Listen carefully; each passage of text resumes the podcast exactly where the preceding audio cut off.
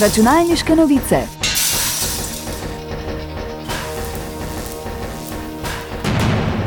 Prisluhnite novostim in zanimivostim z področja računalništva.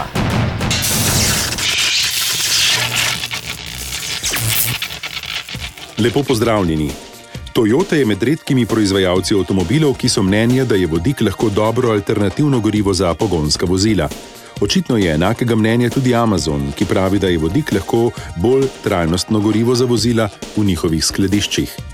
Zavedajo pa se, da bodo morali najprej optimizirati proizvodnjo vodika in jo narediti okolju prijaznejšo. Amazon načrtuje proizvodnjo vodikovega goriva v svojih centrih za izpolnjevanje naročil. Ameriški gigant je v sodelovanju s podjetjem Plug Power že namestil prvi elektrolizer, opremo, ki lahko cepi molekule vode in proizvaja vodik v mestu Aurora v Koloradu.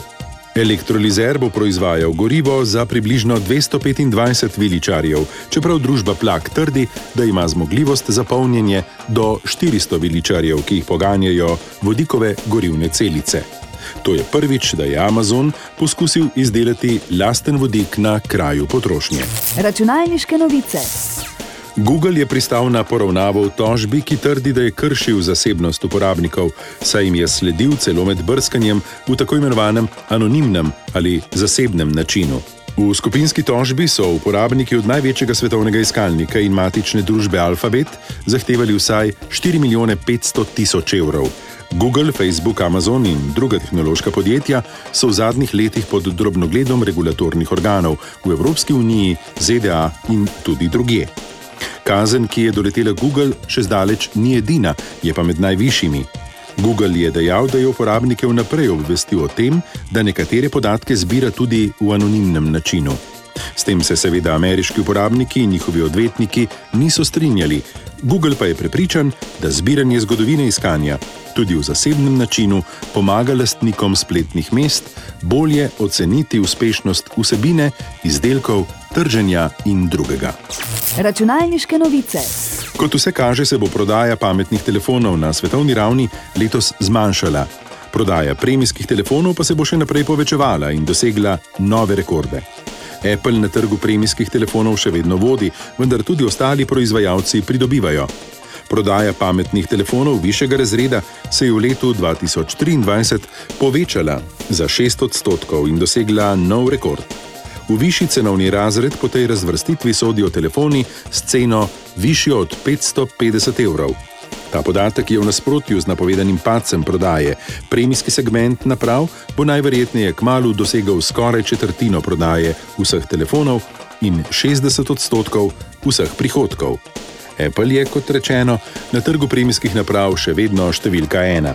Se je pa njegov delež v primerjavi z letom 2022 zmanjšal. To je predvsem posledica Huawei-evega unovičnega vzpona na kitajskem. Spodbudila ga je serija Mate 60. Računalniške novice. Podjetje OpenAI je le nekaj mesecev po uvedbi plačljive različice umetno inteligentnega klepetalnika ChatGPT doseglo letni prihodek, ki je presegal 1,6 milijarde dolarjev, kar kaže na izjemno hitrost sprejemanja generativne umetne inteligence v splošni javnosti. Pri podjetju OpenAI optimistično upajo, da bodo krok sklenili z oceno vrednosti na vsaj 100 milijard dolarjev. Ta bliskovita rast pomeni izjemen preobrat za podjetje, ki je lani izgubilo 540 milijonov dolarjev s prihodki v višini zgolj 28 milijonov dolarjev.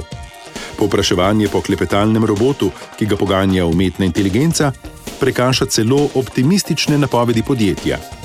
Prvotno so do konca leta 2023 pričakovali prodajo v višini 200 milijonov dolarjev. Za takšen prihodek se OpenAI lahko zahvali uvedbi storitve ChatGPT Plus februarja lani.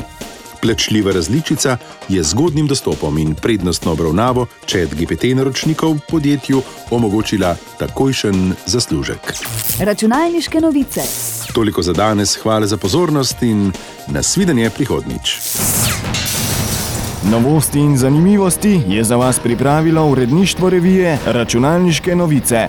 Prisluhnete nam lahko ponovno naslednji teden ob istem času.